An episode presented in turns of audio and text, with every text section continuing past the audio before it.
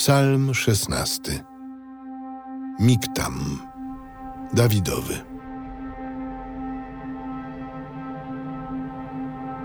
Zachowaj mnie, Boże, bo chronię się u Ciebie.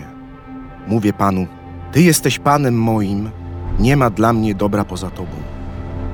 Ku świętym, którzy są na Jego ziemi, wzbudził On we mnie miłość przedziwną. Ci, którzy idą za cudzymi bogami, pomnażają swoje udręki.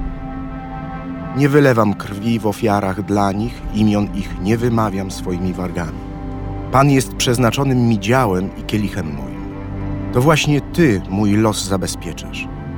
Sznur mierniczy wyznaczył mi dział wspaniały i bardzo mi jest miłe to moje dziedzictwo. Błogosławię Pana, który dał mi rozsądek, bo nawet w nocy upomina mnie serce.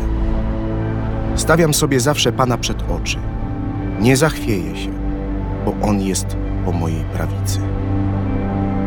Dlatego cieszy się moje serce. Dusza się raduje, a ciało moje będzie spoczywać z ufnością, bo nie pozostawisz mojej duszy w Szeolu i nie dozwolisz, by wierny Tobie zaznał grobu. Ukażesz mi ścieżkę życia. Pełnię radości u Ciebie. Rozkosze na wieki Twojej prawicy.